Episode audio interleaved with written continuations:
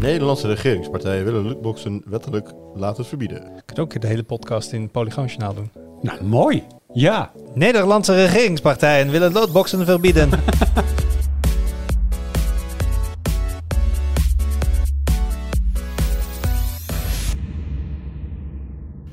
Hoi, leuk dat je luistert. Welkom bij een nieuwe aflevering van de Tweakers Podcast. Mijn naam is Wout en vandaag zit ik in de podcast met Erik van Ballengooien, Hi. met Arnaud Wokken Hoi. en met Juriaan Nubachs. Hallo. En jongens, er is zo waar weer echte technische innovatie in de televisiemarkt. 3D. Nee. Ook geen smart TV. Hmm. Eh, ik weet niet wat we daarvoor nog hadden voor allemaal gekke dingen. Dat, dat allemaal niet. Ook geen eh, ingebouwde webcams, al zien we dat misschien wel af en toe een beetje terugkomen. Komt weer een beetje terug. Ja, maar nee, het echte is natuurlijk QD OLED. Hè, we hadden LCD's, toen gingen we naar de OLED. Toen zei Samsung, laten we het ook proberen. Toen een model zei, dat doen we toch maar niet. Dat Ehm, heet toch QLED? Of is dat dan weer anders? En daar gaan we het dus in deze aflevering over hebben. Maar eerst de highlights. Jur, wat is jouw highlight? nou, dat is grappig. Want ik had namelijk opgeschreven... Kamer werkt toe naar lootboxes. Of eigenlijk verbod op lootboxes, had ik moeten zeggen. Maar toen dacht ik... We zijn recentelijk met een nieuwe eh, manier van video's maken begonnen. En eigenlijk wil ik daar ook wel even over babbelen. Oeh, Gewoon ja. Hoe dat, want ik weet dat Wout en Erik zijn er natuurlijk ook mee bezig. En ik heb natuurlijk eh, recentelijk mijn eerste nieuwe stijl video gemaakt. Samen met Luc hier in de studio hiernaast. En eh, ja, ik werk bijna 15 jaar voor Tweakers. Het is de allereerste keer dat ik de woorden eh, subscribe, like en iets, iets over comments heb laten doen. Hoe was dat voor jou? Heel gek. Dat was echt heel gek. dat, was, dat is wel een drempel die je even over moet. Omdat we natuurlijk hè, nou hè, de, de, de, de grappen die we normaal maken over de, drop een like in de comments, dat soort dingen. Dat, dat wordt natuurlijk altijd een beetje cynisch naar gekeken. Eh, ja, en dat, dat verdwijnt natuurlijk niet ineens als je met elkaar besluit van... Goh, dat werkt wellicht zo goed dat wij het dan toch maar ook moeten gaan doen. Zal je misschien een klein beetje context geven? Ja, doe jij, eens, con- luistert? doe jij eens context geven. Ja, wij ehm, maken denk ik al meer dan tien jaar video bij Tweakers. Ja. Eh, en er zijn best wel mensen die dat kijken. En we hebben denk ik door de jaren heen heel veel mooie dingen gemaakt. Ehm, maar we zaten eigenlijk de laatste jaren deden we veel al hetzelfde van wat we al deden. Mhm. Terwijl je eigenlijk ziet dat video online, vooral bij YouTube, enorm evolueert. Eh, allemaal nieuwe soorten stijlen, eh, vormen, formats, al dat soort dingen. En eh, wat we ook merkten, is dat toch het YouTube-publiek toch best wel anders is dan het publiek bij ons op de site. Want Ja. we gebruiken YouTube als hostingplatform. We embedden dat ook in de artikelen op de site. Ehm, en eigenlijk hebben we gezegd, ja, volgens mij moeten wij hier gewoon wat eh, losser mee omgaan. eh, wat, wat frisser. Het is even heel duidelijk, het is niet de bedoeling nu om allemaal mainstream kijkers en zo aan te gaan spreken. Maar ook gewoon mensen die echt tech heel tof vinden en YouTube veel over tech kijken. Die zijn best wel wat gewend. Als je naar onze concurrentie kijkt, hè, veel mensen die op Tweakers komen kijken, bijvoorbeeld ook naar Linus Tech Tips. Nee, dat willen we niet gaan kopiëren. Maar als je kijkt naar een Tweakers video, bijvoorbeeld hoe we dat maakten met TechHub. En dat, er zit best wel een gat tussen. Ja. Inhoudelijk zijn we super sterk.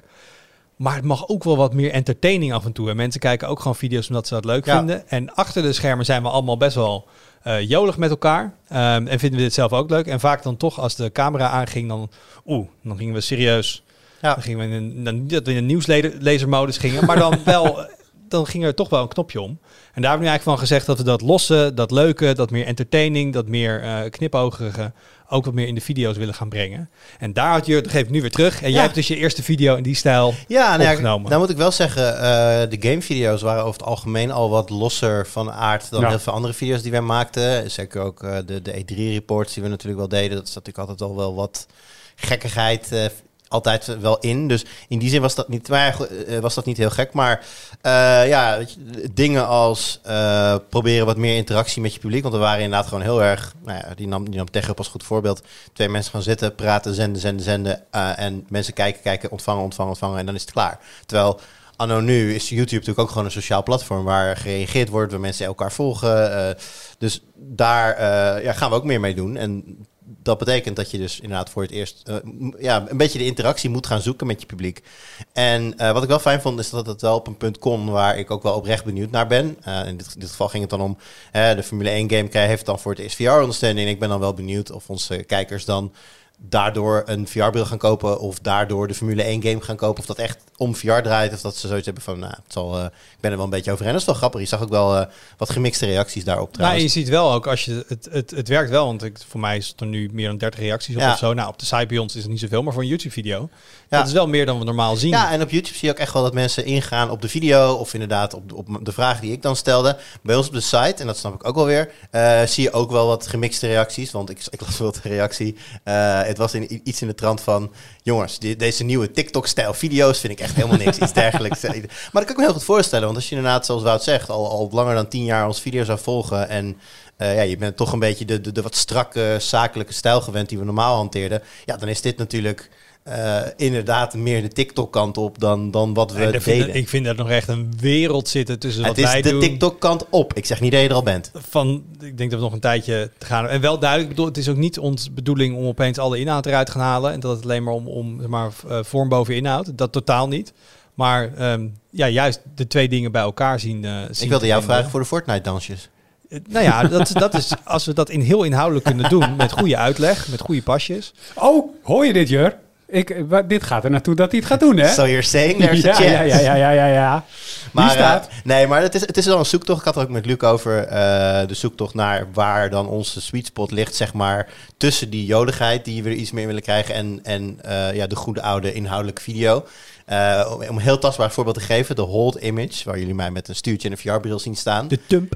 De thumb inderdaad, de thumbnail die je ziet voor je dan de, de video start. Daar stond in eerste instantie ook nog een emoticon overheen. En daar heb ik voor publicatie Luc nog eventjes over gestoeid. Van, nou, dat vind ik, dat ging dan voor mij weer te ver. Maar ik sluit niet uit dat we, da- dat we zoiets nog wel een keer gaan doen. Gewoon om een beetje uit te proberen wat werkt, wat niet werkt, wat leuk is, wat niet leuk Ja, is. en, Dus, en het eh, klinkt misschien een klein beetje ehm, vies, maar het is gewoon wel hoe het zit. Kijk, we zitten op YouTube en YouTube heeft een algoritme. En je wordt niet groot, eh, je gaat geen nieuwe mensen bereiken ehm, als je ja, die mensen één voor één naar je kanaal moet krijgen via word of mouth of zo. Ik bedoel, dat werkt heel veel met recommendations, met dingen die mensen inderdaad aanbevolen krijgen via de homepage. Dus dan moet je ook een beetje opgepakt worden door dat algoritme. En je weet dat dingen. Ik bedoel, ehm, mensen die veel reageren, denken YouTube, hey, er is veel interactie met deze video. Dit is waarschijnlijk een leuke video. ja. Of dat je inderdaad mensen abonneren, of dat ze liken. Eh, dus ja, de reden dat we dat ook vragen en dat we daar meer op mikken, is omdat uiteindelijk dat, dat YouTube ons ook gaat zien als interessanter kanaal. Het ook eens vaker bij andere mensen voorstelt. En nou, dat is uiteindelijk alleen maar weer leuk voor ons. Ehm, dus we proberen ook gewoon het, het spel mee te spelen. We're playing the game. Ja, en we hoeven er ook niet lullig over te doen dat als, hè, als op een gegeven moment onze video's stagneren of zelfs heel slecht bekeken worden, ja, dan in, in, in, in elk bedrijf worden er dan vragen gesteld. Dus wij, wij moeten dan natuurlijk ook proberen om met de tijd mee te gaan zorgen dat we dat voor zijn. Dat en we weten ook echt wel als- als wij aan. ehm, kijk, we zijn. Onze bezoekers die groeien heel erg mee met de site. Dus waar de gemiddelde leeftijd dan eh 15 jaar geleden, die lag ongeveer 15 jaar lager dan nu. Dus ik bedoel, de doelgroep. We Wow. ja, nee, dat is hogere wiskunde. Quick math. Maar we hebben een hele grote doelgroep, maar die wordt wel steeds ouder. Eh, en wij willen op zich niet op een dag wakker worden en denken, ja, nu, nu zijn we echt seniorenweb geworden.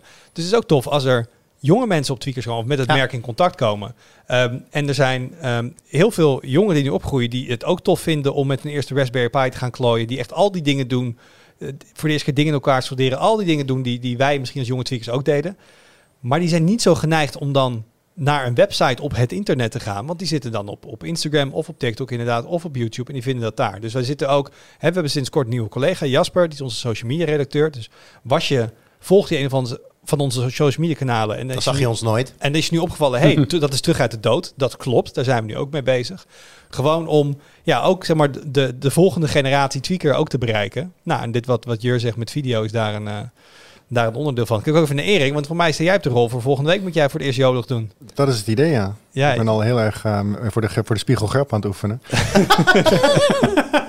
Dit Nee, wil dat- ik zien. Het is een beetje wat jij natuurlijk ook zei, Wouter. We hadden pas ook wat, was, hadden we hier een borrel en toen bleven we naderhand hangen. Eh, en toen gingen we een beetje uit de oude doos eh, herinneringen ophalen. En dat was eigenlijk onwijs tof. En dat soort, dat soort dingen hebben we heel veel onder elkaar. En tot nu toe was het inderdaad, als zodra de camera aanging, gingen we allemaal... Nou, ja, ik wil niet zeggen dat we journaaltje gingen spelen, maar het was wel de serieuze toon. Terwijl het hoeft helemaal niet. En het is gewoon, eh, we moeten daar een goede, een, go- een goede mix in vinden tussen enerzijds los en wel eh, ook de, de, informatie, de informatie bieden Ja. die onze bezoekers en ook die onze potentiële bezoekers willen. Uh, want dat blijft natuurlijk wel wat tweakers, wat tweakers is en wat tweakers doet. Het, ga- het gaat uiteindelijk om de inhoud, alleen die mag best leuker verpakt worden. Het is niet dat je denkt terwijl je kijkt, oké jongens, nog even door. De inhoud is goed, dus ik moet even doorvechten. Nee, je moet ook gewoon zo'n video moet eigenlijk snel Ja. afkijken. En denk je, oh, hij is alweer klaar. Wat, dat was leuk om te kijken. Maar goed, ik begrijp het. Misschien het laatste puntje. Ik begrijp wel dat mensen ook wel nog in eerste instantie wel even wat moeite gaan hebben ook met dit. Tuurlijk. Eh, Verandering is moeilijk en voor nerds is verandering al helemaal moeilijk. Dus En daarbij zijn wij denk ik ook, zelfs redactie, wij veranderen ook niet veel. Als je kijkt naar gewoon wat je op de site vindt de laatste twintig jaar. Het, het, we, zijn niet van het experimenteren heel erg. Ehm, en dit vind ik juist heel leuk, dat we experimenteren met video, met social.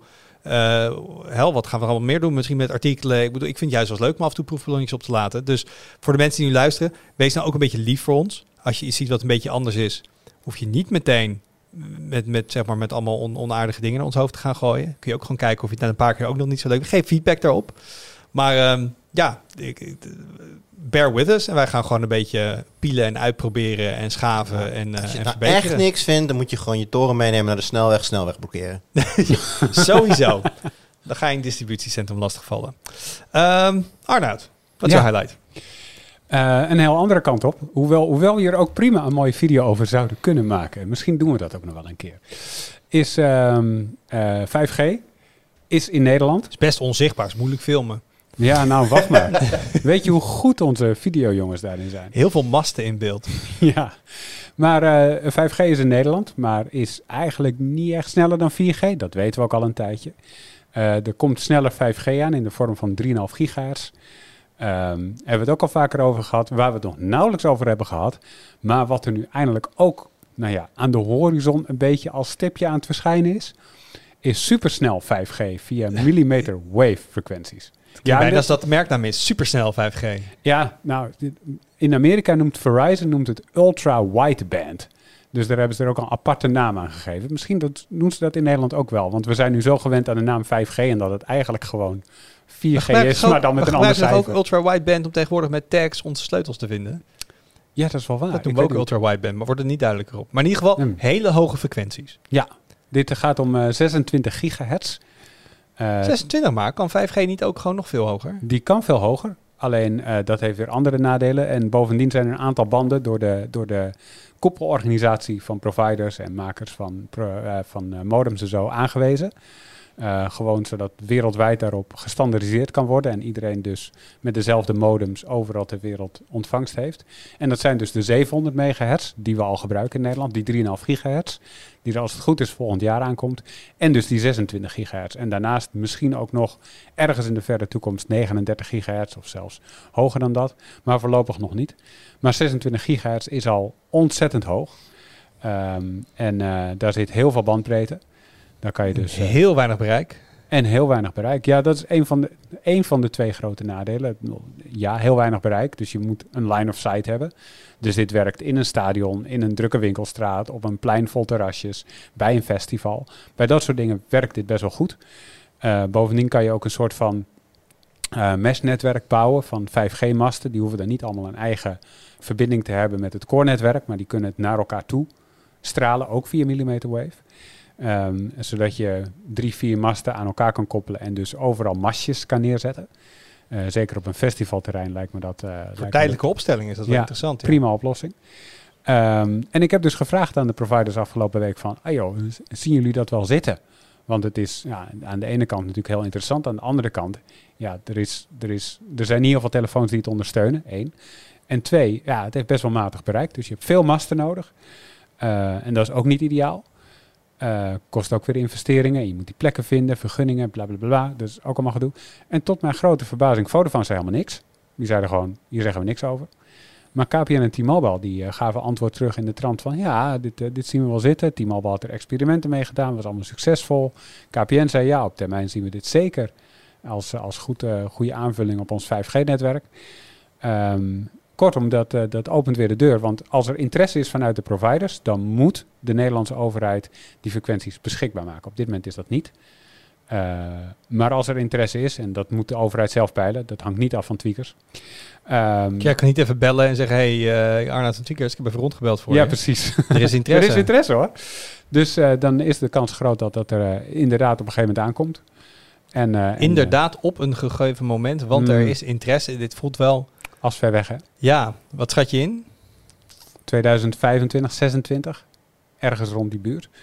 Eh, komt natuurlijk ook omdat we voorlopig nog niet tegen de grens aanlopen van de capaciteit. Want die 3,5 gigahertz komt erbij. Dan is, die ondersteunen alle telefoons wel. Eh, dus daar kunnen een hoop telefoons kunnen daarheen.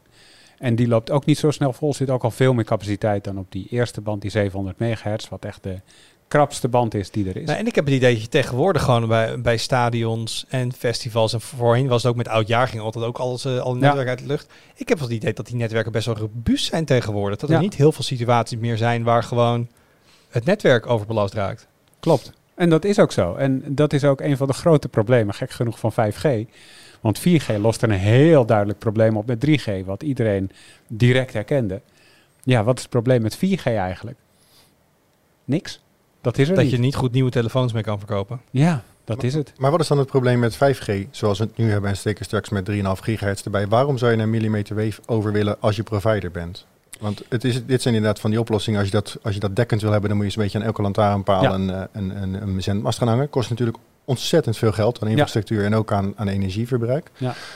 Wat, wat is, zij, zij, zij zien hier uiteraard commercieel brood in. Ja. Weet je ook hoe ze dat dan, hoe ze dat zien? Ik denk dat ze dit echt zien als een soort van, ehm, eh, hoe noem je dat? Een, echt een oplossing voor die piekmomenten waarop het heel druk is op één bepaalde plek. Dus ik noemde festivals, eh, voetbalstadions, dat soort dingen. Ik bedoel, nu lukt dat allemaal nog. Maar als mensen steeds meer gaan streamen vanaf zulke plekken. eh, en, en als de resolutie van 4K naar 8K gaat, nou, je weet het beter dan wie ook. Dat vereist een hoop meer bandbreedte. Doe dat keer duizend, als duizend mensen dat doen. En dan trek je de hele verbinding wel vol. En als je dus dan die extra capaciteit hebt, waar dus lang niet elke telefoon nu op zou kunnen, maar een deel van de grootverbruikers toch zeker wel. Ik denk dat het dan wel de, voor de rest zeg maar, de weg vrij maakt om ook En, en een deel marketing er eigenlijk. Als iemand in, ehm, een, toe is aan een nieuw abonnement. Ja. En jij kan zeggen, wij hebben in Nederland voor het eerst 39 gigahertz, zoveel snel. Mensen snappen niet helemaal. Dan denken, wow, dat is wel... eh, dat, dat zal wel wat zijn. Ja, en dan eh, k- wil je ook een toestel erbij me- kopen meteen. Ja, dan moet je wel in het hoge segment zitten, want Ja. die hebben dan de goede antennes. Ja, ik maar dat is ook- natuurlijk in het begin. Bedoel, op een gegeven moment heeft elke telefoon heeft dat. Dat, dat, dat zijpelt langzaam door. En ook Ja. als we doen nu als, nu als use case op dit moment. ik bedoel, Ik kijk best wat video ook, ook Mhm. onderweg. Ik heb geen enkele reden om een sneller netwerk te willen dan wat ik nu heb. Al, alles Volgens werkt. mij ook iedereen die er verstand van heeft, dat is niet een beetje arrogant, maar ik bedoel iedereen die een beetje de techniek hierachter snapt, die vraagt zich ook wel een beetje af waar de noodzaak nou is. Is dit een Ja. oplossing voor een probleem wat nog helemaal niet de kop opsteekt? Nee, regeren is vooruitzien, dat snap ik. Maar Ja. als je zegt van dit is inderdaad voor festivals en voor in stadions, dan zijn er dus ofwel tijdelijke installaties die ze dan gaan neerzetten. Ja. Ofwel inderdaad op plekken waar, het gewoon, waar gewoon heel veel mensen tegelijk zijn en dan ook op, Ja. op tegelijkertijd dus ook heel veel data willen verstouwen. En dat is ook echt wel de, de, de primaire noodzaak hiervoor. Want ik bedoel, eh, op, een, op een gewone plek, op een gewoon netwerk, komen ze niet snel aan die capaciteit. Ook al is iedereen 4K aan het streamen. Eh, dan gaat het nog eigenlijk best wel goed. Ehm, maar ja, er zijn gewoon van dat soort, van dat soort randgevallen waarbij het heel druk is. En je verwacht dat het dataverbruik op die plekken de komende jaren steeds verder gaat toenemen. Hangt ook af van de camera's die in telefoon zitten. En dat soort zaken. Als je dan die beelden wil verspreiden via wat voor platform dan ook, dan heb je steeds meer die data nodig.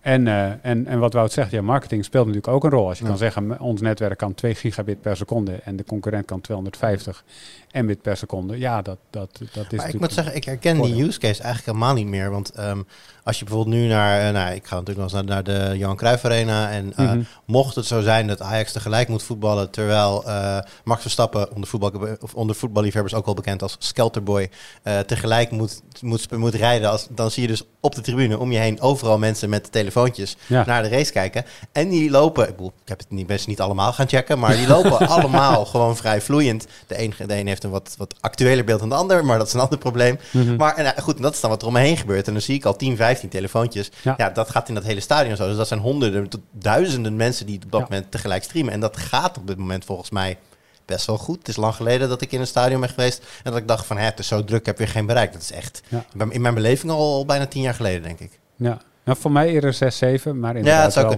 Maar is dat dan, is dat dan, komt dat dan doordat bijvoorbeeld in dit geval dan de arena zo goed voorbereid is op die Ja. piekmomenten al? Ja. Ja. Dan hebben we toch nieuwe maatregelen ook helemaal niet nodig. Dan zitten we toch gewoon goed. Nee, maar wat ik Nu niet, zeg, hè? het, het, het, eh, het marketingaspect.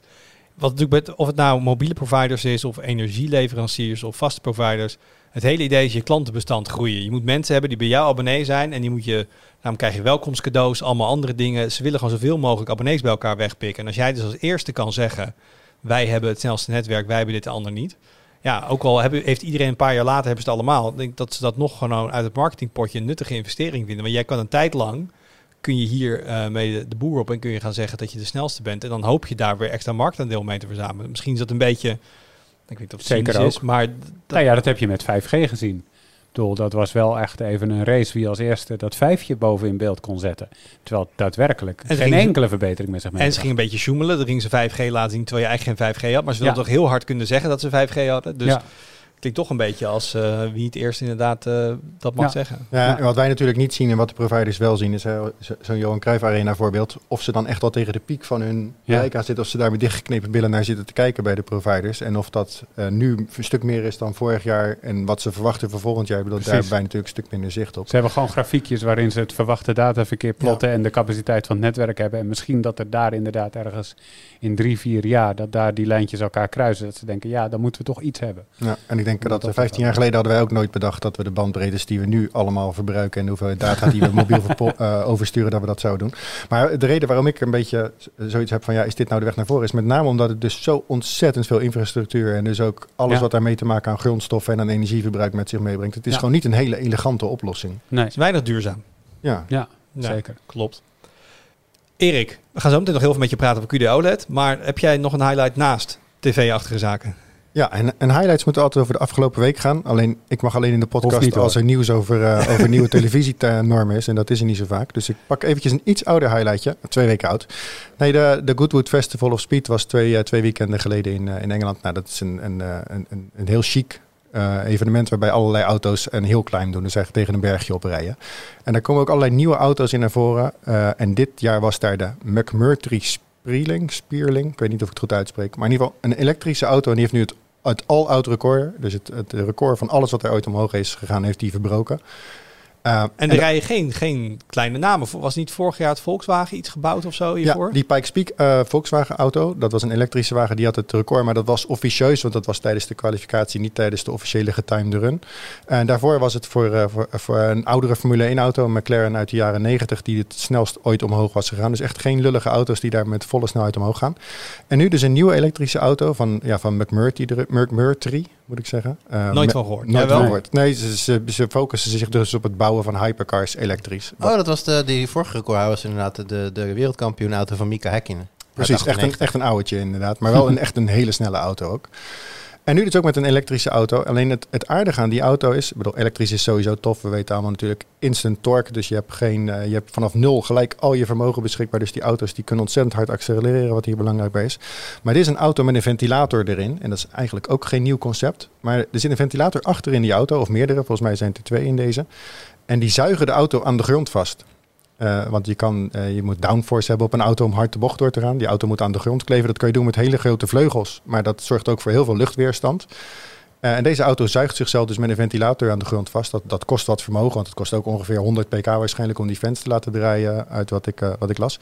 Maar die creëert er ook als die stilstaat 2000 kilo aan downforce, dus aan neerwaartse druk. En het voor- voordeel daarvan is dus dat die auto die gaat echt alsof die op rails gaat door de bocht. En hoeveel weegt die auto? Die weegt zelf 1000 kilo, dus die, Ja, dus die kan tegen het plafond aanrijden dan. die kan tegen het plafond rijden. Het bekende Formule 1 voorbeeld. En dat kan die dus al vanaf stilstand. Dat is, eh, dat, Dat, dat kan een Formule 1 kan Formule een 1 auto Formule niet. Die 1 moet dan Maar begrijp ik nou goed, want we hebben ooit eh, in de Formule 1 ook fancars gehad voor een paar races. Maar Brabham had er eentje. Ja. Maar dat was er eentje die gewoon naar achter gericht stond. En Ja. die dan eigenlijk de lucht onder de auto kon versnellen.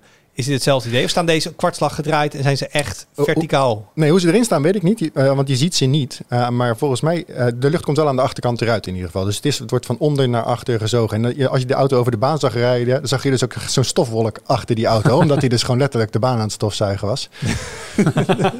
en het zag er heel tof uit. Want in die filmpjes... eh, Vorig jaar de heel klein met Roomba. Ja, dat is super handig. Als er weer zo'n zo'n Formule 1 moment is dat er overal debris op de baan ligt, moet je gewoon dat ding laten rijden. dit Je stofzuigt gewoon het hele ding, de hele baan leeg.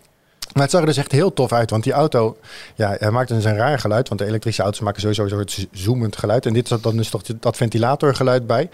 En daarnaast zag je die auto dus gaan met een soort bruinige wolk erachter. Maar maar de meeste elektrische auto's ziet er eigenlijk niet zo hard uit. Want het is, geluid voegt ook op een of andere manier heel veel toe aan de beleving. Maar dit zag er ook gewoon, als je de filmpjes kijkt, vooral op YouTube terug, zoek het even op. Het zag er super snel uit. En het, je hoort het publiek dus ook O en A roepen. eh, omdat ze gewoon, ja, die snapten ook niet helemaal wat ze Ja, zagen. ik vind het bizar. Ik vind sowieso dat hele Goodwood. Het, dat- ergens op die track kom je dus aan met, nou, ik weet niet, 200 km per uur. En dan moet je een klein beetje naar rechts eh, afbuigen. omdat er namelijk de zijkant van een huis staat. en dat is dan afgezet met hooibalen. Ja, het is helemaal afgezet met hooibalen. Omdat Ja, het het is gewoon een wel je moet wel serieuze cojones hebben om daar dat record neer te willen zetten. Goedemorgen. Als je ventilator stopt met werken halverwege de bocht. Dan ben je klaar in deze auto. Ja, want dan, nou, eh, dan het publiek is ook klaar. Ja. Ja, dat is wel. Dat is niet, dat is niet gezellig. En daarom, daarom is ook de Formule 1 auto's mogen tegenwoordig niet meer aan de time to run meedoen. Nee, omdat ze- het ze gewoon doen te wel, eh, gevaarlijk is. Ze doen wel eh, eh, demootjes, volgens mij. Ja, maar dus niet op volle snelheid. Behalve kracht inderdaad. Voor mij was het de Rijke Mercedes dit jaar. eh, Ja, die gaan een beetje donuts doen en burn-outs. Die, maar die mogen gewoon niet op volle snelheid. Want het zou dus nog sneller kunnen dan deze auto. Maar het is wel gewoon tof dat een, een, een relatief klein autootje, want het is echt een klein ding met ook weinig vleugel. eh, ook volledig elektrisch, maar dat hij dan ja, deels dus helemaal hypermodern omdat elektrisch, maar ook deels terug, eh, terugpakkend op een concept uit 1978 met die ventilator. Ja, gewoon, ik vind dat we, ik word, ik word daar blij van van dat soort dingen. ik zie, voor de mensen die op YouTube kijken, ik zie het aan de, de lach op je gezicht. Ehm, waar ik blij van word, is smartphonefabrikanten die gewoon alles en de kitchen sink, zoals ze dit in Engels zeggen, ergens tegenaan gooien. We hadden natuurlijk een lange tijd eh, eh, Huawei, die eigenlijk ja, toch wel van de, de grote Aziatische merken de, beste voor stond qua high-end telefoons. Mhm. Die konden eigen SoC's maken. eh, hele go- goede camera eh, mensen hadden ze daar. Aziatisch is te breed trouwens, want Samsung is ook gewoon Aziatisch. China. Oké. Ehm, maar die, die zijn natuurlijk de markt ja, even eh, zacht uitgepest Mhm. door, door Amerika. En ik moet heel eerlijk zeggen, misschien dat Xiaomi het destijds ook al deed, maar dat mij minder opviel omdat Nee. Huawei deed. Maar die lijken nu echt gewoon die plek ingenomen te hebben van oké, als je echt een telefoon wil of een merk zoekt die gewoon inderdaad nergens op eh, eh, geen compromissen sluit, sorry OnePlus, maar dan voor, dan voor het echi, dan moet je bij ons zijn. Maar we hebben dus de, de Xiaomi 12S Ultra aangekondigd. Ehm, ik vind het sowieso interessant dat veel fabrikanten tegenwoordig gewoon type nummers weglaten. Normaal stond er nog iets tussen, maar DJI had vroeger ook een Mavic, nu gewoon de DJI Mini. En dit is de Xiaomi 12. Ja. Terwijl ze heel veel producten maken. Je moet maar weten dat het een telefoon is. Ehm, maar er zit dus een 1-inch camera sensor in. Nou, iedereen die de podcast al wat langer luistert, ik vind fotografie leuk. Ehm, en als ik een smartphone koop, dan moet er ook een goede camera op zitten. Nou, er zijn eerder telefoons geweest met 1-inch sensors. Eh, Sharp heeft ze gemaakt in het verleden, maar Ja. dat was dan allemaal ook in een tijd dat het allemaal nog niet zo goed qua software processing was. Vorig jaar kwam Sony. En Mhm. Sony is heel goed ehm, in dingen niet goed uitvoeren. Ja. Ehm, dus die maakt ook vaak hele goede camerasensors en dan halen ze er zelf minder uit dan de concurrentie. Nu ze een 1-inch sensor in een telefoon. Maar ze kregen het niet voor elkaar om een lens in te bouwen die groot genoeg was om de gele sensor te bestrijken. Dus ze gebruikten een krop uit het midden en een deel van de sensor niet. Ja. Ehm, dus dat was een beetje een letdown. En bij Xiaomi is het wel gelukt. Ze werken hier samen met Leica. Nou moet ik zeggen dat je vaak van die eh, samenwerkingsverbanden hebt met dan camerafabrikanten. Dat lijkt vaak op stickertje plakken. Ik heb hier het idee dat in het lensontwerp, want daar weten wij Leica ook wel een klein beetje van, eh, wat ze ook over vrijgeeft, dat er misschien echt wel sprake is van een samenwerking en wat kennisuitwisseling. Want het is best wel knap om dus, ja, je hebt dan maar een heel klein lensje eigenlijk en je moet wel die hele sensor enigszins scherp kunnen, kunnen belichten. Nou, ik denk dat je hier wel de invloed van Leica overschat. Want die samenwerking is er sinds eind maart. Toen liep de andere samenwerking af met Huawei. Als ik het Ben ik gewoon in de marketing getrapt? Ik denk het wel. Oh, Eh, en ik denk dus dat ze contractueel nog niet konden samenwerken. En om zo'n telefoon samen te stellen in een maand of drie, vier, dat is wel echt krap. Dat ben ik helemaal met je eens. Dus ik ben denk ik in de marketing getrapt. Maar hoe, wat ze uitlegden over de opbouw van... Als dat allemaal intern bij eh, ehm, Xiaomi ontwikkeld is... dan zitten er een paar goede lensspecialisten dan eh, Mhm. die ze in-house hebben. Ehm, maar het is dus een... Moet je je voorstellen, dit is een, een, een beeldsensor... die dus meer dan een centimeter dik is... in je smartphone. Dus er zit een enorme bump ook achterop. Ehm, maar ik heb de, de, de samplefoto's zitten kijken natuurlijk. Allemaal best case scenario. Maar we weten wel, met eh, camera's meer licht, grotere chip... is betere foto's.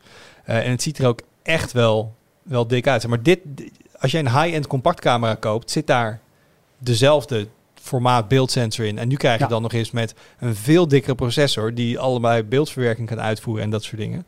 Ehm, dus en, en als je naar de rest van die telefoon kijkt, weet je, eh, bijna met 70 watt piek dan, hè. Snel laden, een 1500 nit, AMOLED paneel met 120 hertz erin. Eh, het is een beetje van laten we gewoon eens nergens op besparen en kijken wat eruit komt. Eh, en het vervolgens alleen maar in China uitbrengen. Voor de Ja, mensen dat die wel. nu dachten van waar moet ik het kopen? Ik zit altijd te kijken van, wat gaat dit ding kosten? nou, dat, vind, ik- dat, eh, ik weet niet. Ja, dan krijg je ook Chinese wons en zo. Dus ik weet niet hoe je dat moet... ja, voor mij is het 11, 1200 euro ook gewoon in, in, in Chinees geld. En dat is daar echt nog veel meer dan dat het klinkt. Ja, dus ik vind het ook jammer. Ik bedoel, ik vind het echt jammer dat we, dat we Huawei niet meer hebben. Want ehm, nou, Sony doet niet echt meer mee. LG is afgevallen. HTC is afgevallen. Dus de Android-markt is op dit moment Samsung. En ik denk echt in de high-end, hè. En ik bedoel, OnePlus heeft het geprobeerd, maar die kan niet, boven die 1000 euro doen ze niet mee. Eh, Oppo eh, probeert het. Oppo probeert het, maar Google Nou ja. zelf. wat zeg je? Google zelf. Google De, zelf. de Pixel, maar ja, in Nederland ook officieel niet. En in veel andere landen ook niet. Dus ehm nee, dan zijn in het verleden wel Xiaomi-telefoons. Dat komt natuurlijk ook hier uit. Dus misschien komt die nog wel deze kant op. Maar Die ultra's die kwamen afgelopen jaren niet echt hard naar Europa toe. nee. Maar ik vind het in ieder geval wel een leuke insteek van... Ah, we kijken gewoon naar elk onderdeel. We kopen gewoon het beste wat we kunnen vinden. Eh, en we gaan niet bezuinigen. Dat als, als, als tweaker kan ik dat wel waarderen. Ja, wat ik een heel grappig detail vond is, want dit, dit, dit- we hebben ook allebei een, een teardown zitten kijken. Je hebt dus op de achterkant van die telefoon zit, zitten de camera's in een groot rondje, een grote rond camera-eiland met in het midden Een lens. een lens. En mijn intuïtieve veronderstelling was, daarachter zit de primaire camera, want dat is de lens waar naar alle aandacht gaat. Nee, dat is de ultrawide. En dat is de ultrawide. De, de, de, die grote sensor die zit links daarvan. Dat Ja. is, nou ja, ik vond dat, ik vond dat geestig. En dat was waarschijnlijk de beste manier. Want toen je met die Terda nou ook wat weer interessant is. Dat is ook trouwens een kunst op zich. Nog eens een vak bijna. Maar gewoon de binnenkant van zo'n telefoon ontwerpen. Waar stop je welk chipje? Wat stop je waar het PCB? Het is Ja. elke millimeter moet benut worden. Voor mij hebben ze hier ook een gesplit PCB. Twee laags. Ehm, ze moeten het om die camerachip heen bouwen. Eh, dat, dat was bijvoorbeeld iets waar vroeger... eh, echt eventjes eh vijf tot tien jaar geleden... trok je een iPhone open.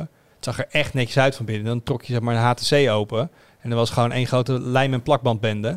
Ehm, dus, en dat doen ze dus ook wel bij Xiaomi. Het is niet van hè, de, de, de reputatie die er soms was van de goedkopere merken uit China. Van nou, die, die, die draaien wat goedkoopst in elkaar met bestaande onderdelen. Hier zit echte engineering in. En ehm, nou, nogmaals, dat, dat vind ik leuk. Daar heb ik respect voor. Ik vind het leuk dat bedrijven denken niet gewoon mid-rangertje maken, andere sticker erop en we gaan. Ehm, maar ze is hier niet te koop. Dus zo eindigt mijn highlight eigenlijk. Dat ik dat best wel jammer vind.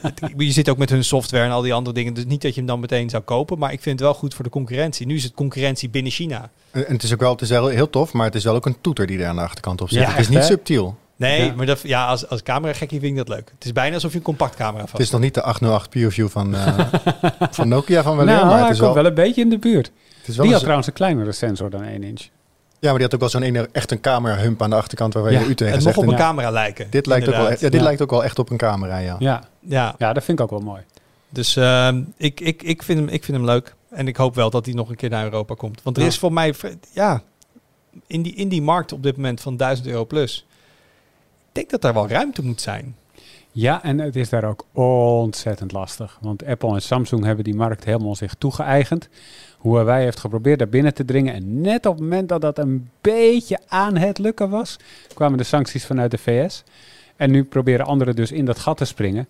Maar je merkt al aan de release-strategie. In China lukt dat wel aardig. Daar heb je ook een soort van. ehm, eh, nou ja, misschien een soort van eh, patriotistisch sentiment mee. Zo van, oh, dat zijn ook, die zijn ook Chinees. Eh, dat voordeel heb je in Europa niet. Dus dat maakt het hier extra lastig om, om door te breken, denk ik. En ja, voor mij is dat ook nog niet eentje echt op grote schaal gelukt. Nee, ik eh, juich ze toe vanaf de zijlijn. Erik, Ja, wat is QD OLED? dat is een hele goede vraag. Ik Dat denk is misschien een, wel goed om mee te beginnen voordat we nog een half jaar over QD OLED gaan hebben. een nieuwe manier om OLED-panelen te maken feitelijk. En daarom is het misschien wel even goed uit te leggen wat quantum dots zijn, want dit heeft alles met quantum dots te maken. Ehm, quantum dots, ik ben geen scheikundige, dus ik ga het niet proberen om het helemaal uit te leggen, want dan doe ik het fout. Hmm. Maar dat zijn nanodeeltjes, dus kleine, kleine, kleine deeltjes, heel kleine deeltjes, halfgeleide deeltjes, die ehm, gestimuleerd kunnen worden ofwel door elektriciteit of door licht. En dan een bepaalde kleur licht gaan uitst- eh, uitstralen afhankelijk van hoe groot die nanodeeltjes zijn. En dat kan in fabrikageprocessen heel nauwkeurig worden gemaakt. Dus je kan zorgen dat een quantum dot heel erg rood-rood licht uitstuurt of heel erg groen-groen licht of, of blauw licht zelfs als je dat zou willen. Ehm, en daar kan je leuke dingen mee doen om beeldschermen beter te maken. En dat is een belofte die eigenlijk al heel lang loopt. Eh, de term QLED, we hadden het er, eh, we hadden het er aan het begin al eventjes over, die, eh, die, die is al best wel oud. En in eerste instantie waren er ook geruchten over dat Samsung al jaren geleden zou gaan komen met QLED-televisies. En dat zouden dan ehm, televisies zijn met een scherm waarbij van die quantum dots in het scherm zitten. En die zouden dan elektrisch, ja, van elektrisch gestimuleerd worden, dus feitelijk onder spanning gezet worden en daardoor gaan oplichten. Nou, daar zijn we nog steeds niet. Dat is, eh, dat, eh, dat is nog iets steeds iets voor de toekomst. En sterker nog, ze hebben toen dus de term QLED eerst op LCD's geplakt. Maar destijds vonden we dat ook niet. Want ik weet nog dat jij zat toen op bij Hardware Info. Voor mij Ja. was het toen kwam nieuws naar buiten tijdens of IFA of CES van de eerste QLED TV. En toen was er ook voor mij ook verwarring op dat moment over bij dat nieuwsbericht van is dit nou die grote belofte van QLED of niet? En toen bleek het een enorme letdown te zijn. Oh, ze hebben gewoon een Letdown. ja een loud trouwens. Niet doe ik zomaar per ongeluk. You let down. Maar het is gewoon een, een LCD-TV met, met quantum dot. Ja, want dat is inderdaad wat Samsung toen heeft gedaan. En dat is inderdaad een beetje, een beetje jammer dat, dat, zo, eh, dat het zo gebeurd is om het, om het, eh, om het eh, diplomatiek te stellen. Nee, wat Samsung toen heeft gedaan is, eh, we we kregen natuurlijk ehm, HDR op een gegeven moment en grotere kleurruimtes. En dat is met een standaard LED backlight moeilijk te doen. Eh, en daarom ehm, hebben ze toen besloten om blauwe LED, LED backlights, want eigenlijk de LED backlights in de meeste televisies zijn blauw, alleen worden dan voorzien van een gele fosforlaag, waardoor er wit licht uitkomt. Eh, om in plaats van die gele fosforlaag quantum dots toe te passen om een deel van het blauwe licht om te zetten in heel puur groen en heel puur rood, waardoor je dus heel puur blauw, groen en rood overhoudt. En daar kan je een groot kleurbereik mee uit je scherm laten komen.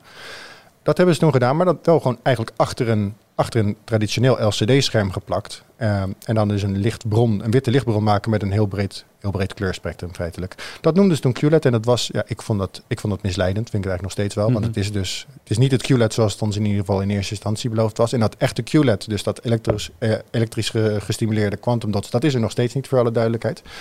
Maar er is nu wel een, een volgende stap. Eh, namelijk eh, niet meer een LED-backlight gebruiken eh, achter een, eh, achter een LCD-matrix, maar een OLED-scherm maken met allemaal blauwe OLED'jes. Voor elke pixel drie OLED'jes, dus gewoon drie subpixels. En daarvan twee van die subpixels voorzien van een quantum dot filter, wat een deel van dat licht omzet, van dat blauwe licht dus weer omzet, in, in rood en groen. En het voordeel wat je dan dus hebt, ehm, is dat je dus het zwart van OLED hebt. Dus want eh, net zoals bij de andere OLED-technologieën die we kennen, als ze uitstaan, zijn ze echt uit. Dus is zwart is helemaal zwart in tegenstelling tot bij LCD's. En het voordeel is dat je dus wel dat grote kleurbereik hebt wat met quantum dots mogelijk is. En je hebt een heel efficiënte manier om die kleuren te, genereren. Want in tegenstelling tot met kleurfilters, wat bij eh, LCD-schermen wordt gebruikt over het algemeen. En ook bij de witte OLED's in andere televisies. Gaat er heel weinig energie verloren door die quantum dots. Die zetten licht echt om van de ene kleur in de andere. In plaats van dat ze uit wit licht eigenlijk alles wegfilteren. Behalve bijvoorbeeld het blauw, het rood of het groen wat je eruit wil hebben. Mhm. En dat is waar we nu staan. Dat is eigenlijk QD OLED in het heel erg kort. Maar Nou, blauwe, dat, dat was jouw spreekbeurt. blauwe eh, OLED'jes, dat, die gaan toch het minst lang mee? Dat klinkt dan als de minst logische keuze.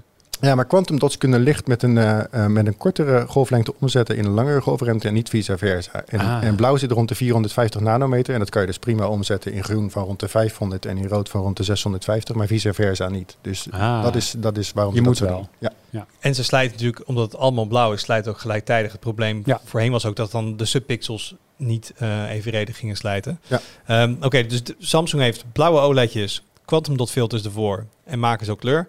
LG heeft witte OLED's, traditionele kleurenfilters ervoor en die houden dus meer tegen van het licht. Ja, want eh, LG gebruikt dus vier subpixels per pixel in hun schermen die in televisies worden gebruikt. En LG, dan hebben we het over LG Display. Dat is de, de tak van LG die dus daadwerkelijk de paneelfabrieken heeft en die paneel, panelen ontwikkelt.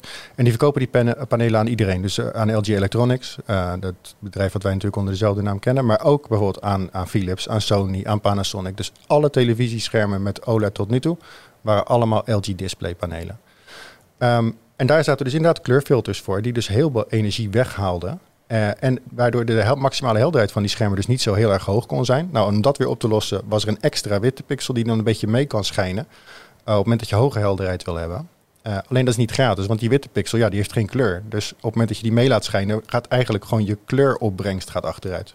Ja. Dus Samsung belooft eigenlijk als het dus om heel fel rood gaat, fel blauw, fel groen, dan zou dat er indrukwekkender uit moeten zien bij QD OLED, want je hebt meer kleurinformatie.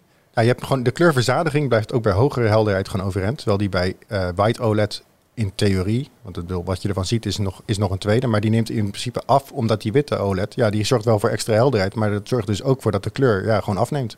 Ja, maar je zegt, wat, dat is precies de vraag, dat is de handvraag. Wat je ervan ziet, dat Zeg maar, jij hebt gezien met je eigen ogen. Ja, we hebben het met beide ogen gezien. Want wij hebben de eerste QD OLED eh, inmiddels in ons testlab gehad. We hebben een monitor gehad van, eh, van Alienware. Die maakt, ook gebruik van zo'n QD OLED paneel van Samsung, eh, van Samsung Display.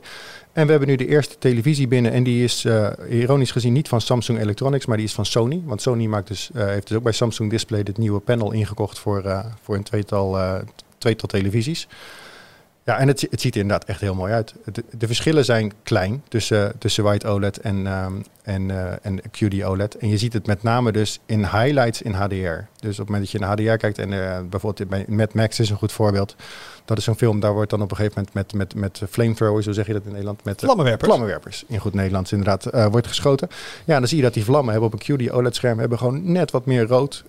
en net wat meer helderheid ook. De een piekhelderheid ligt ook net wat hoger. Dus ze zijn en wat helderder en wat meer gesatureerd. Dus het ziet er, het ziet er net nog weer wat mooier uit. Moet wel meteen zeggen, als je de te- televisies niet naast elkaar ziet, ga je daar knappe jongen die tanden uit elkaar weet te halen. Maar dat geldt altijd als jij een high-end LCD op zichzelf ziet. denk je, wow, dat is mooi. Dan zet je een high-end OLED naast en denk je, oeh, dat kan nog mooier. En dan zet je nu een high-end QD OLED naast en denk je, dat kan nog weer een stapje mooier. Ja, maar tussen LCD en, eh, en OLED zie je natuurlijk wel sowieso verschillen. Al is het maar zeg maar in het zwart, omdat eh, daar is OLED echt een klap beter. En daarvan geldt eigenlijk hetzelfde voordeel voor QD OLED als voor, voor traditionele wit OLED. Het, het zit echt in kleine dingetjes. Dus de, wat wij nu zien bij het eerste scherm wat we hebben getest, en dit is een eerste generatie, is dat die, ah, hij is helderder. Piekhelderheid ligt ruim boven de 1000 eh, kandelen per vierkante meter, waar de helderste witte OLED's, nou, die blijven op 800, 900 steken. Dus dat is, dat is een verschil. Eh, het Maar dat is niet zo helder als een ouderwetse LCD. Nee, er zijn LCD's, maar high-end LCD's uiteraard, die nog veel helderder gaan. Moet er wel bij zeggen dat de manier waarop onze ogen gevoelig zijn voor helderheid, ehm, wordt minder naarmate de helderheid toeneemt. Wij zien heel goed het verschil tussen 1 en 5 kandelen per vierkante meter. Maar tussen 800 en 1000 is voor ons al veel moeilijker te onderscheiden. Dus eh, een verschil van 300 candela tussen 8 en, eh, en 1100 klinkt heel veel, maar dat, dat valt in de praktijk eigenlijk wel mee. Hey, en als nou ook, je zegt die filters houden minder tegen, dus je hoeft minder hard er doorheen te schijnen eh, met de energieprijzen van vandaag. Scheelt mij dit nog in de portemonnee als ik hem aan heb staan? Uh, dat, dat ligt een beetje aan hoe. Want wij, dat is wel grappig. Wij meten energieverbruik al, sinds jaar en dag eigenlijk op twee verschillende helderheden. Op 120 candela per vierkante meter en op, 100, en op 250. En 120 is dan een beetje wat officieel zou moeten volgens de SDR-normen. Maar dat is, dat is een vrij donker beeld. Dat is prima als je s'avonds zit te kijken. Maar als je overdag voetbal kijkt met het, eh, met het raam eh, naast je open. Of de gordijnen niet dicht. Dan, dan wil je echt wel meer helderheid. En je ziet dus dat op lage helderheid. Dus op het moment dat we met een 120 candela patroon eh, eh, testen is het echt een stuk minder energie, verbruikt de, de QD een stuk minder energie. Wil je wel die maximale helderheid, of in ieder geval een stuk meer helderheid eruit halen, dan is het eigenlijk andersom. Dan verbruikt juist wat meer dan de andere OLED-schermen. Dus het is afhankelijk van wat voor soort content je kijkt. Gaat LG hier iets tegenover zeggen? Want je zegt in de basis is gewoon die technologie is beter, omdat we niet met kleurenfilters werken, werken met quantum dots. Kan LG dit, dit overnemen, dit jatten? Kunnen ze hier iets van incorporeren? Eh, ik weet niet in hoeverre hier patent op zit. Ik weet wel dat andersom heeft LG heeft een heleboel patent op die witte OLED-technologie. Mhm. Vandaar ook dat zij de enige zijn die dat, eh, die dat maken. Of het andersom ook zo is, weet ik niet. Ik weet wel natuurlijk, eh, dit ziet er heel tof uit. We weten nog niet hoe dit soort schermen het over, la- over langere termijn houden. En je weet natuurlijk, LG heeft de afgelopen jaren een heleboel stappen gemaakt om te zorgen dat de levensduur van hun panels omhoog is gegaan. Dus of LG dit wil, is ook nog de vraag. Want hun technologie weten ze inmiddels wel echt van wat ze daaraan hebben. Eh, is ook redelijk goedkoop te maken.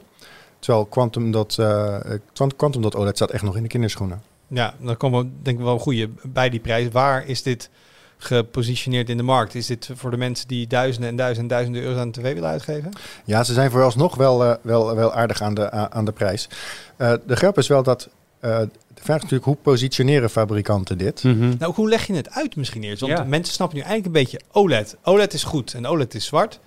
En dan krijg je nu QD OLED. Het, het, het wordt er niet Ja, makkelijker wat, wat wordt de tagline waarom je deze televisies moet hebben om straks het WK op te kijken? Want iedereen weet het WK is zeg Ja. maar, Dat is de driver. dat is de motherload. Dat is een goede vraag. Er zijn tot nu toe dus twee fabrikanten waarvan we weten dat ze het daadwerkelijk in televisies gaan gebruiken. Dat is Samsung en dat is, eh, en dat is dus Sony. En eh, het aardige bij Sony, waarvan we nu dus ook televisie hebben getest, is dat die maken eigenlijk alles. Die hebben LCD-televisies, die hebben OLED's op, op basis van White OLED, dus op basis van LG-panelen. En die hebben nu dus de QD OLED. En wat je bij Sony ziet, is dat ze het echt als de top positioneren. Dus hun ho- hoogste modelnummer, de A95K, de 9-serie en dan het hoogste in de 9-serie, dat is nu de QD OLED, is het beste model wat ze hebben. Eh, En ze- wat staat er op de doos? OLED. Oké, dus Sony OLED. maakt richting de gebruiker eigenlijk geen onderscheid. Het is eh, als je, als je, ze steken het niet onder stoel of banken, maar ze hebben er niet iets nieuws voor bedacht. Het is gewoon Hmm. OLED A95. De duurste OLED die ze hebben. Ja, precies. Eh, Samsung daarentegen, die heeft natuurlijk de afgelopen jaren behoorlijk afgegeven op OLED. Die hebben geroepen, eh, we moeten, je moet QLED hebben en dan later nog dat Neo QLED, dus die verbeterde versie met nog groter kleurbereik en OLED hogere is niet fel genoeg en het brandt in en het is niet de kleurbereik is niet breed genoeg. En Precies. Nou, en nu hebben ze dus in ieder geval een OLED-technologie waarvan ze zelf zeggen, en waar dus wat voor valt te zeggen dat die technisch beter is dan de White OLED van, eh, van LG Display. Maar wat Samsung doet, is die zeggen hun Neo QLED, ja, dat blijft toch wel het beste wat ze hebben. Dus hun, hun, eh, hun OLED-televisie, hun QD OLED, die zit wel hoog in de range, maar die zit nog net onder het topmodel uit de Neo QLED-serie. Dus het rare verhaal is dat als je hem opbouwt bij Samsung, begin je met LCD, dan ga je naar QLED, Neo QLED en dan ineens ook bovenin de Neo QLED range krijg je ineens de QD OLED en dan daarboven het topmodel uit de Neo QLED. Maar diegene daarboven, is dat niet een 8K-tv meteen ook? Nee, het is ook gewoon een 4K. De 8K's staan er nog weer los van. Oké. Dat was een interessante marketingbijeenkomst, denk ik. Die hebben een vergadering gehad, die hebben gezegd... ja, nee, nee, nee, nee, maar we moeten wel op QLED blijven inzetten. Dat moet wel... Eh, ja, QLED, en dat zeggen ze zelf ook. QLED blijft gewoon de speerpunt voor Samsung Electronics. Voor je, als iemand leuk vindt om even een idee te hebben, de 55-inch versie van die A95K doet momenteel 3300 euro. Ja. Hmm. 55 inch. Als je een 55 inch tv met eh, witte OLED's van LG wilde, kun je die... Nou, wacht even tot Black Friday, model van vorig jaar. Dan hou je die voor 999 wel ergens weg. Ja, dan zit, je wel, dan zit je wel lager ook. En dan heb je het over de A-serie of over de B-serie. Die, de C's haal je al niet meer voor dat geld. Maar dan zit je op de helft van die 3300 euro. Voor een, een courante, ik denk rond de 1500 euro koop je al een 55 inch OLED, toch? Een redelijk moderne. Ja, de C1, als je nu het model van vorig jaar wil hebben, die koop je vanaf eh, pak een beet eh 1200 euro, als ik het goed zeg. De 65 inch ook al vanaf 1400 euro zo'n beetje. Dus het is wel echt duurder Dus de dan... premium is keer 2 op dit moment bij Sony. Ja, dat zijn Sony-televisies sowieso duur. Dus hij zit boven de andere Sony OLED's. Maar het is niet dat er, dat er een enorm groot gat zit. Het is duurder, maar niet, niet twee keer zo duur als de andere Sony OLED's, laat het zo zeggen. Maar dan heb je een tv waarvan jij zegt... ja, geen idee hoe lang die het eigenlijk uithoudt. Eh, nee, dat weet ik niet. Ik bedoel, ik neem aan dat, dat eh, Er LG... zit wel garantie op. Ja, ja. Er zit garantie op en er zit uiteraard ook van die, eh, van die functionaliteit op die ervoor zorgt dat het beeld dimt op het moment dat er te lang heldere delen in beeld staan. Sam, eh, Sony heeft zelf ook een, een, eh, een heatsink achter het panel toegevoegd om te zorgen dat die, dat die zijn warmte makkelijker kwijt kan, wat het, wat het Samsung scherm niet heeft. De, de Samsung televisie moet ik dus zeggen. Dus er, zit, er zitten wel allerlei slimmigheidjes in, net als bij de andere OLED-televisies, om die levensduur hoger te houden. Maar van die andere OLED-technologie, van die white OLED-technologie, weten we inmiddels gewoon wat de sterke en de zwakke punten zijn. En dit Ja. is gewoon nog, ja, dit is nieuwer. Hey, we hebben nog een, eh, een dingetje niet gemeld. Terwijl als mensen dit een beetje volgen online, dan eh, zijn ze van dit probleem op de hoogte. Maar de vraag is hoe groot het probleem is. Als je een OLED-tv uitzet en we zetten ons in Tesla, dan zie je een heel mooie zwarte glazen plaat. Want mooi zwart, alles staat uit. Die QD-OLED, die is niet zwart. Nee, Die is grijs. Die is grijs. En doet een beetje denken aan oude, beeld, eh, aan oude beeldbuitentelevisies of aan eh, sommige plasmaschermen van vroeger. Ja, en ehm, dat zie je met name als je gewoon eh, het scherm bekijkt en je ziet de rand eromheen. Eigenlijk is dat bij de meeste televisies heel moeilijk te zien, want het is een zwarte rand met daarin een zwart scherm. En hier zie je een zwart randje, het is een heel dun randje, met daarin een, ja, wat grijzig scherm. En dat komt omdat deze schermen hebben geen polar polarizer nodig, geen polarisatiefilter aan de voorzijde. Maar dat betekent wel dat een deel van het licht, ja, dat, dat, dat op een andere manier dan wat je bij andere schermen ziet. En daardoor zie je eigenlijk, je, je ziet de OLED, eh, de OLED-structuur. En die is niet helemaal zwart. Ja, Dus oké. maar nu, als ze uitstaan, boeit dat niet zoveel. Oké, je, je tv is wat grijs. Maar als hij aanstaat in normaal verlichte ruimte, we kopen allemaal OLED omdat we perfecte zwartwaarde willen, dan zie je dit ook deels, toch? zie je het ook, kan je het zo uit kunnen zien. Aan de andere kant is het wel zo dat uh, ons menselijk oog en brein is ook wel beperkt in hoeveel uh, contrast we daadwerkelijk kunnen zien. Uh, en op het moment dat er dus daadwerkelijk heldere, de, helderdere delen op het scherm zijn, wat al snel zo is, valt het eigenlijk niet of nauwelijks op. Terwijl het voordeel wat je in donker hebt, en dat is met name het nadeel van, van normale LCD-televisie, als je daarmee s'avonds zit te kijken, dan zie je dat zwart niet helemaal zwart is. En dat is hier natuurlijk wel zo, want als je in donker bent, kijkt, dan valt er geen licht op het scherm, dus wordt die wel gewoon echt zwart. En is, zijn de delen die van het scherm die echt zwart moeten zijn, zijn dus ook echt zwart. Want ik bedoel, als ik dus een film in, in 2.35 staat op één kijk, dus ik heb boven een andere zwarte balken, Ja. vind ik aan mijn OLED heel tof zeker s'avonds, dat men, het verdwijnt in de achtergrond, zeg maar. Ja. Um, dat is hier nog steeds het geval. Ik ga dan niet zien dat die balken bijvoorbeeld net niet zwart zijn. Nou, dat ligt er dus aan hoeveel licht er op het scherm valt. Als je, Als je, overdag aan het kijken ben. als je overdag aan het kijken bent, zou je het kunnen zien. Maar moet je er wel erg op letten. Omdat waarschijnlijk het midden van het deel is natuurlijk zoveel helderder dan dat hele donkergrijs. Want het is heel donkergrijs. Hè. Het is niet zo dat, je dat, het, dat het echt oplicht of dat je echt reflecteert van het licht. Ehm, dus je, je zou het kunnen zien als je erop let. Maar eh, on- in, de, in de omstandigheden waar het er echt toe doet, dus waar die, eh, waar die donkerheid van de, back, van de backlight, om het zo maar te zeggen, die er dus niet is. Maar wat er toe doet, dus in het donker, als je met je s'avonds film zit te kijken, dan heb je het nadeel dus niet. Valt er geen licht meer op het scherm en is het zwart dus wel gewoon echt zwart. Misschien ben ik een beetje kritisch. Mhm. Maar we hebben hier echt best wel jarenlang naartoe geleefd. Misschien maar eventjes als, als zijn de mensen die in deze wereld zitten en hierover schrijven en het volgen. En hè, dit was het toch wel. En we schreven al veel over Samsung. Ja, lukt het ze nou om die panelen als de, eh, die, die yields omhoog te krijgen? Nou, we hebben het nu. Ja, als ik jou zo hoor, is het... Het is niet heel, heel revolutionair. Dat was misschien wel een klein beetje de gedachte. Want dit gaat echt weer de volgende grote stap boven OLED-tv's worden. Ja, het is dus ook nog, steeds niet het QLED wat ons in eerste instantie beloofd was. Hè? Want het is dus nog steeds QLED wat eigenlijk voor een, voor een OLED zit in dit geval. Of voor een andere lichtbron. Het is nog steeds niet QLED wat uit zichzelf licht geeft omdat je, er, omdat je het onder spanning zet. Dat is nog steeds iets waar eh, de levensduur gewoon nog niet goed genoeg van is. Dat soort panelen zijn er op laboratoriumniveau zeker wel. Eh, maar is ofwel te duur of te moeilijk te produceren. Of de levensduur is nog niet goed genoeg. Dat krijgen wij niet te horen. Maar dat is altijd nog een stap die nog in het verschiet ligt. En die mogelijk nog beter is, omdat in ieder geval in potentie kan je daar nog weer een extra klap helderheid uit halen. Want verwacht je nu dat LG zich zorgen moet maken? LG heeft nu eigenlijk de OLED-markt in handen. Iedereen, LG Display, iedereen Ja. met een OLED-tv heeft een LG-paneel. Stel Samsung krijgt de productiekosten omlaag en ze gaan kleinere formaten maken. Zie jij dan dat ze LG de markt uit gaan drukken? Want ik, a- als de verschillen zo relatief klein zijn, ehm, is een beetje de vraag van ja, heeft het zin voor Samsung om dit dus naar de, de, de 12, 1300 euro range te gaan brengen? Eh, is dat überhaupt interessant? De vraag is met name of ze het kunnen, denk ik. Ik denk als ze het, als ze het kunnen, zullen ze het zeker doen. En dan is het, voor, dan is het echt serieuze concurrentie voor LG. Want het lijkt er dus op, hè. Nogmaals, over de levensduur kunnen we nog weinig zeggen. Maar in de basis heeft het een, wel een aantal voordelen boven de witte OLED-technologie. Eh, is het dus echt ook wel een, een goede concurrent voor de technologie van LG. Ja, de vraag is, kunnen ze dit goed, stuk goedkoper maken? Kunnen ze dit heel erg snel opschalen? Eh, en wie krijgt erbij aan boord? Wat je wel zag, is dit, dit zong natuurlijk al vanaf ja, het derde kwartaal van vorig jaar rond dat dit zou gaan komen. Ehm, eh, vlak voor de CES kwam Samsung en LG ook met, het, uh, met de aankondiging van een nieuwe generatie OLED-panelen, wat ze een OLED EX noemden.